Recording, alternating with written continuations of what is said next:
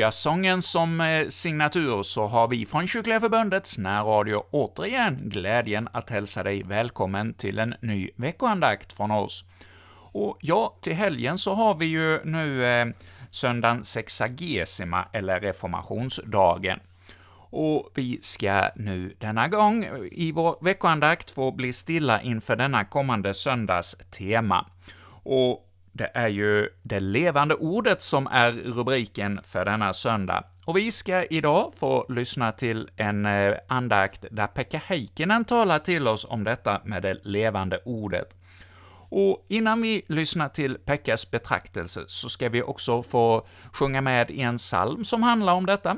Sven Österberg kommer att hjälpa oss med sången av psalmen 65, Omkring ditt ord, och Jesus oss stilla gör. Ja, denna psalm blir som inledning på denna andaktstund, så varmt välkommen att vara med i dagens sändning.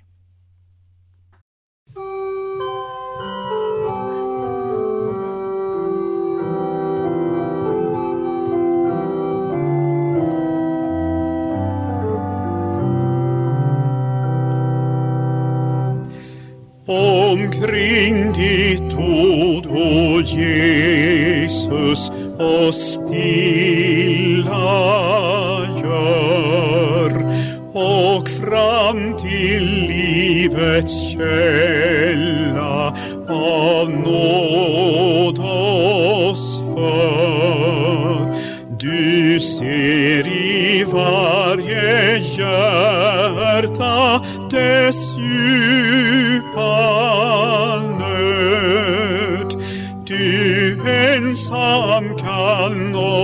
mätta med livets bröd. Var Herre själv oss nära, din kraft gör spord, förklara nya vidder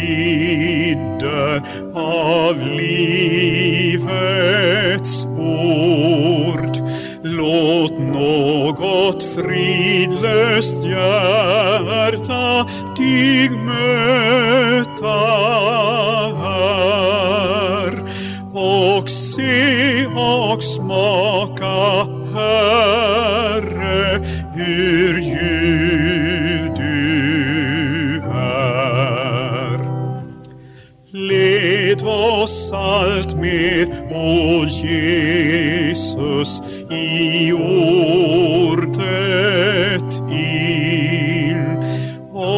öppna våra ögon för nåden din. Den djupa, rika kärlek som bor i dig. Låt över varje hjärta få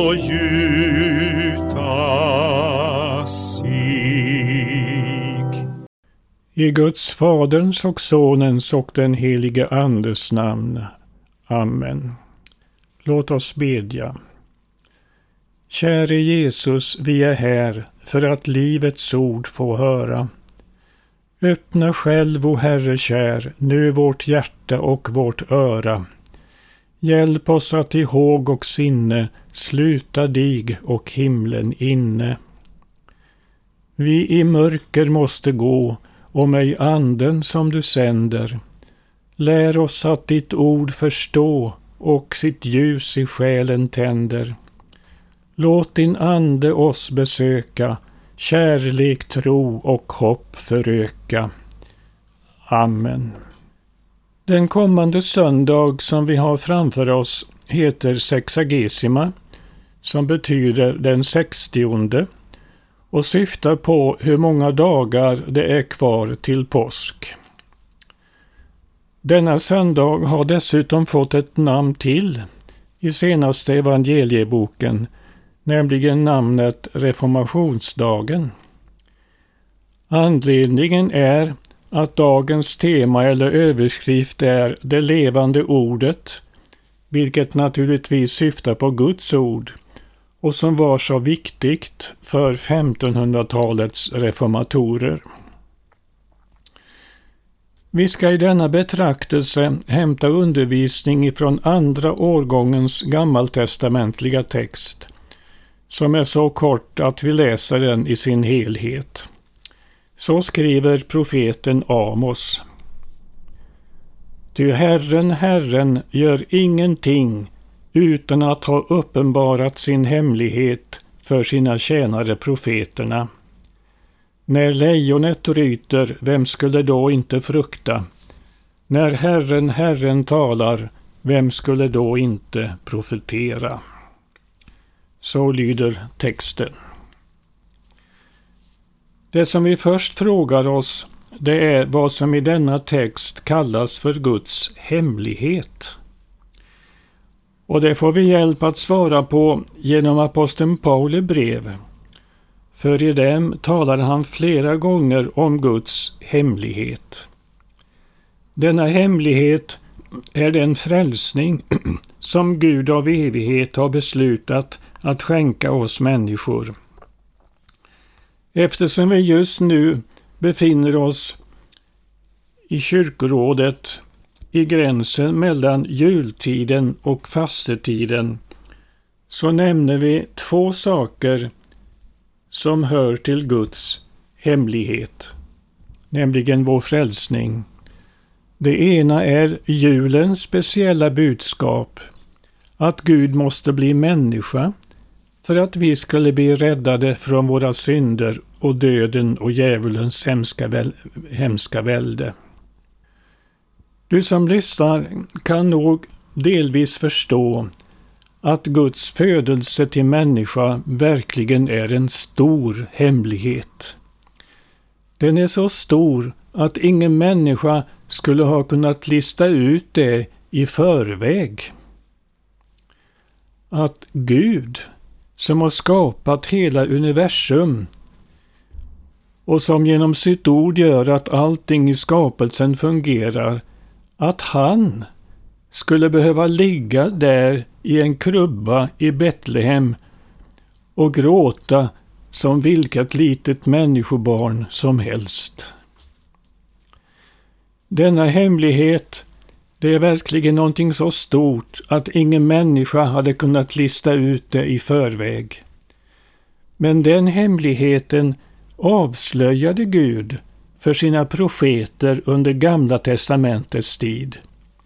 Till exempel för profeten Amos, som skriver i vår text Herren, Herren gör ingenting utan att ha uppenbarat sin hem, sina hemligheter för sina tjänare profeterna. Det var särskilt profeten Jesaja som fick veta vad Gud skulle göra för att frälsa oss. I hans boks sjunde kapitel uppenbarade Gud hemligheten med Jesu födelse. För så står det skrivet där. Se, jungfrun ska bli havande och föda en son och hon ska ge honom namnet Immanuel som betyder Gud med oss. När alltså Jesus blev född i Betlehem så var det inte någon hemlighet egentligen för judarna att Gud skulle behöva bli ett litet spädbarn. Därför att det hade Gud uppenbarat redan för judarna under Gamla testamentets tid, nämligen genom sina tjänare profeterna. Går vi sen till Jesajas 50, 53 kapitel så finner vi att Gud där uppenbarade ytterligare en hemlighet om vår frälsning. Där läser vi nämligen följande ord. Han var genomborrad för våra överträdelsers skull, slagen för våra missgärningars skull. Straffet var lagt på honom för att vi skulle få frid och genom hans sår är vi helade. Att Jesus led det eviga syndastraffet för våra synders skull och betalade hela vår syndaskuld till Gud. Den hemligheten, det kunde ingen människa av sig själv lista ut.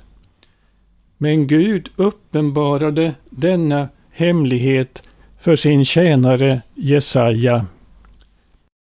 Och därför har Jesaja blivit kallad för Gamla testamentets evangelist. Då kanske någon av er som lyssnar kommer att tänka på hur det var då Jesus hängde på korset. Där stod den ene efter den andra och hånade honom och spottade på honom och bad, att, bad honom att stiga ner från korset, om han nu var Guds egen son, så skulle de tro på honom. Varför gjorde de så? De hade ju sitt gamla testamente och kunde profetiorna om Jesu lidande och död utan till. Varför insåg de inte att, att Gud hade uppenbarat hemligheten om vår frälsning i Gamla testamentet och att detta gick i uppfyllelse mitt framför deras ögon på Golgata? Ja, man kan verkligen undra hur ett människohjärta kan vara så blint och så hårt som deras hjärtan var som stod runt omkring Kristi kors på Golgata. Låt oss inte göra likadant som dem. Låt oss inte förhärda våra hjärtan. Låt oss istället tacka och lovsjunga vår Gud för att han har uppenbarat frälsningens hemligheter, både om Jesu födelse och hans offerdöd på korset, redan genom sina gammaltestamentliga profeter. Låt oss genom Guds ord och den helige Andes upplysning tro på det glada budskapet att vi inte behöver gå evigt förlorade utan vi får bli frälsta genom den frälsare som Gud har skänkt oss i Jesus Kristus. Nu går vi över till textens senare del där vi läser följande ord. När lejonet ryter, vem skulle då inte frukta? När Herren, Herren talar, vem skulle då inte profetera? Vem är det som här kallas för ett lejon som ryter? Jo, det är Herren Jesus Kristus. Och så kallas han på flera ställen i Bibeln. Till exempel i Uppenbarelsebokens femte kapitel så skriver evangelisten Johannes om Jesus, lejonet av Juda som har segrat. På det stället tolkas alltså titeln lejon på ett positivt sätt. Lejonet är ju det starkaste utav alla rovdjur, åtminstone i Afrika och även i Mellanöstern, där judafolket bodde. Och liksom lejonet är det starkaste utav alla djur, så är Jesus den starkaste utav alla frälsare. Ja, han är helt enkelt den ende som kan frälsa oss. Därför ska, därför ska vi såsom troende söka vår frälsning endast hos Jesus och lita på att han har vunnit över alla våra synder, över döden och djävulens hemska regemente. Men titeln lejon på Jesus kan också tolkas negativt. Och det är väl närmast så som det tolkas i vår text. När Amos frågar när, när lejonet ryter vem skulle då inte frukta? När Herren, Herren talar, vem skulle då inte profetera? Då anspelar Amos på den respekt och den rädsla som en som kallas att profetera kan känna inför Gud. I Gamla testamentet har vi flera exempel på hur de män som Gud kallade till profeter i början inte ville bli profeter.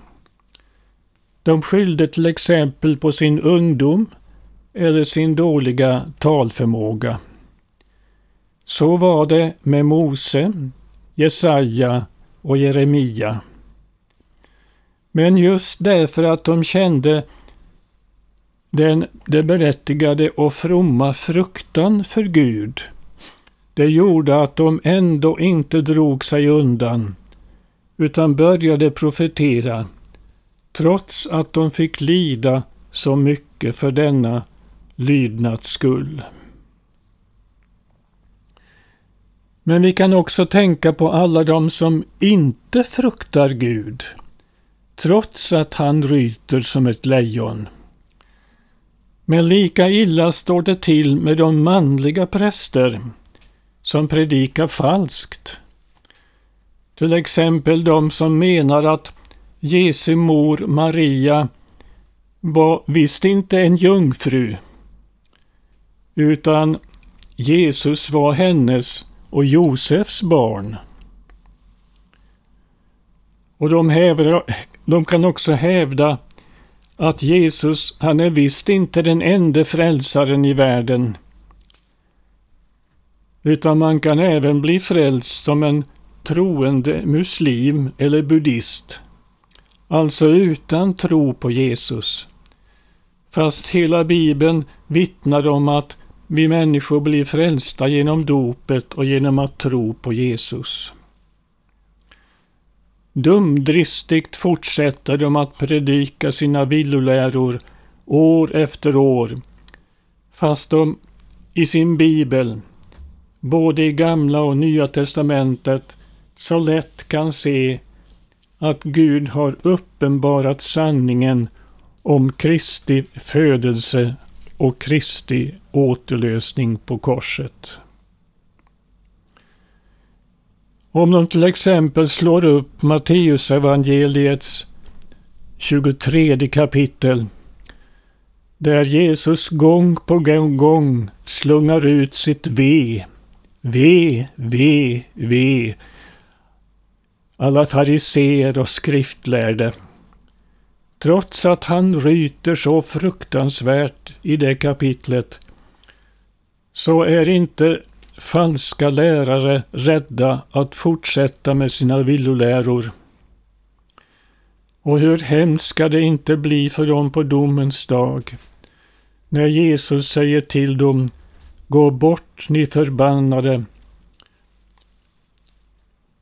i den eviga elden som är tillredd åt djävulen och hans änglar ifrån begynnelsen.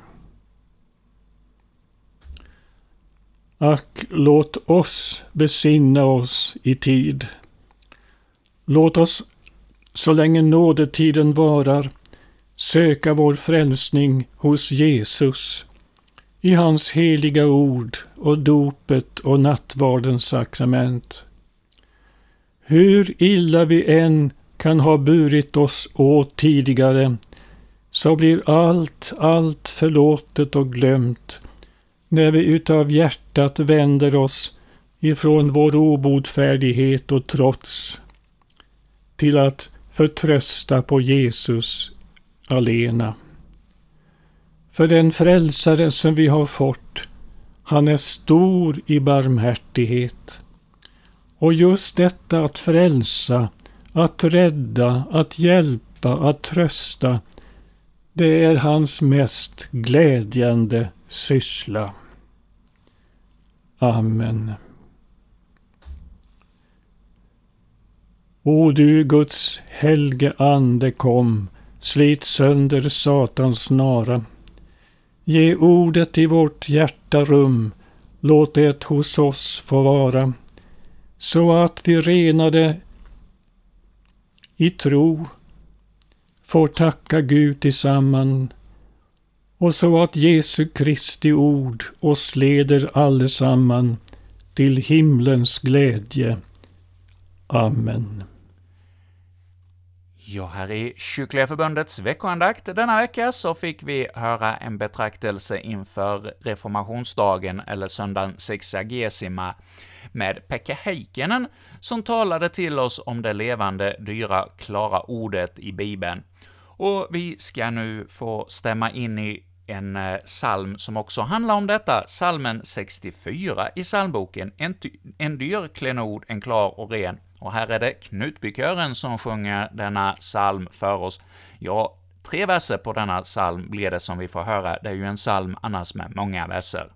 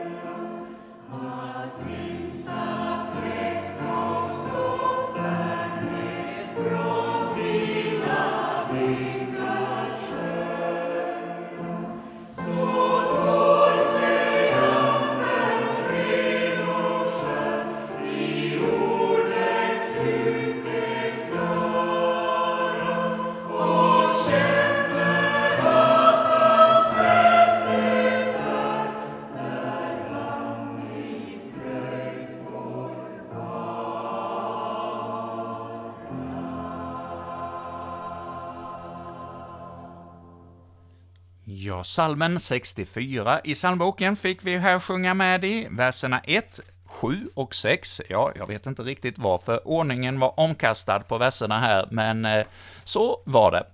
Och ja, här i Kyrkliga Förbundets veckoandakt så har vi nu några minuter kvar av vår programtid, och jag tänkte då läsa ett litet stycke ur eh, Kyrka och Folk, Kyrkliga Förbundets, ja numera månadstidning. Fram till jul så kom denna tidning en gång i veckan, men man har nu gjort om den till ett litet mindre format och eh, eh ändrat om i strukturen lite, och så kommer den en gång i månaden med många intressanta och spännande artiklar. Jag för min del upplever att den har blivit mycket bättre.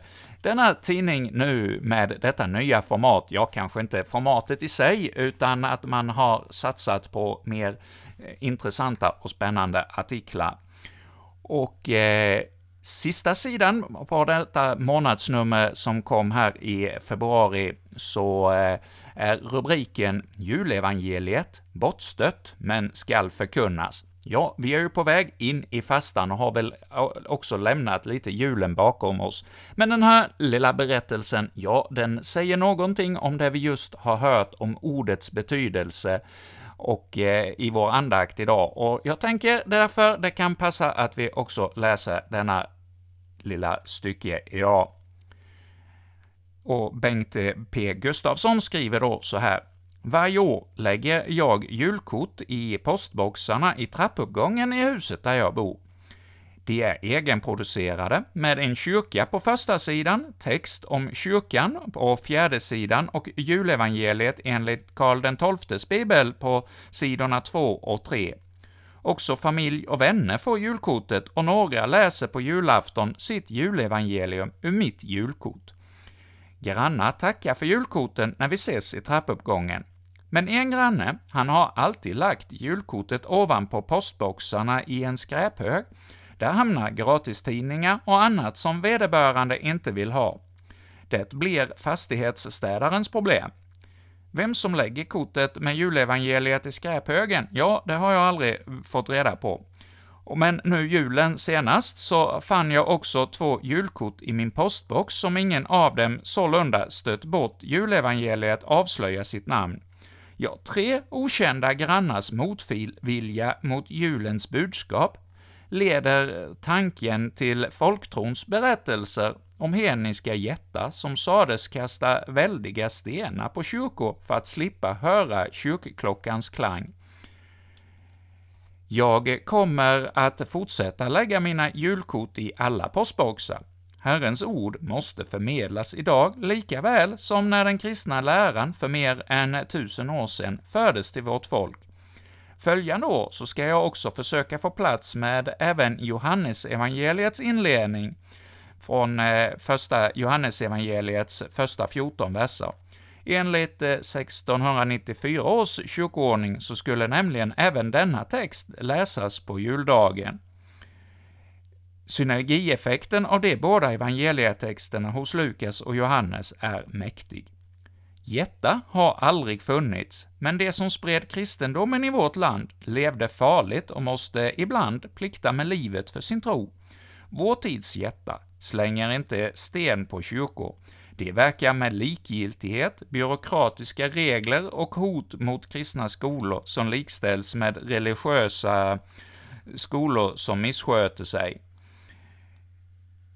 De skriver debattartiklar och tar till orda i TV och radio. Vår tids jättar verkar med förslagen list genom det politiska systemet, ibland även likt en femte kolonn inom Svenska kyrkan. Vår tids jättar skall inte få locka bort Sveriges folk från den lära vi ärvt.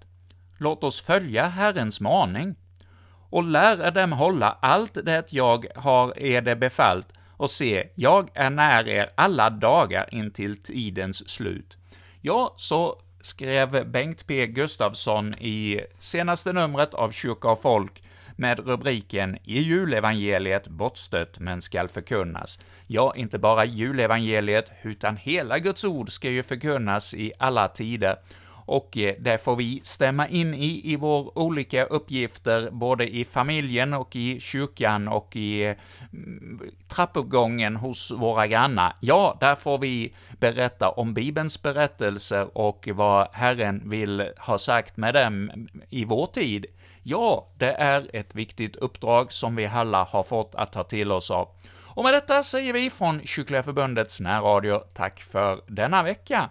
Och vi eh, återkommer med en ny betraktelse i nästa vecka, och då blir det Tobias Olsson från Maria kyrkan i Uddevalla som kommer att leda vår andakt inför fastlagssöndagen. Och med detta säger vi från Kyrkliga Förbundets närradio tack för denna gång, och eh, här i närradion fortsätter. Nu programmen som vanligt här i Växjö med eh, bokhörnan.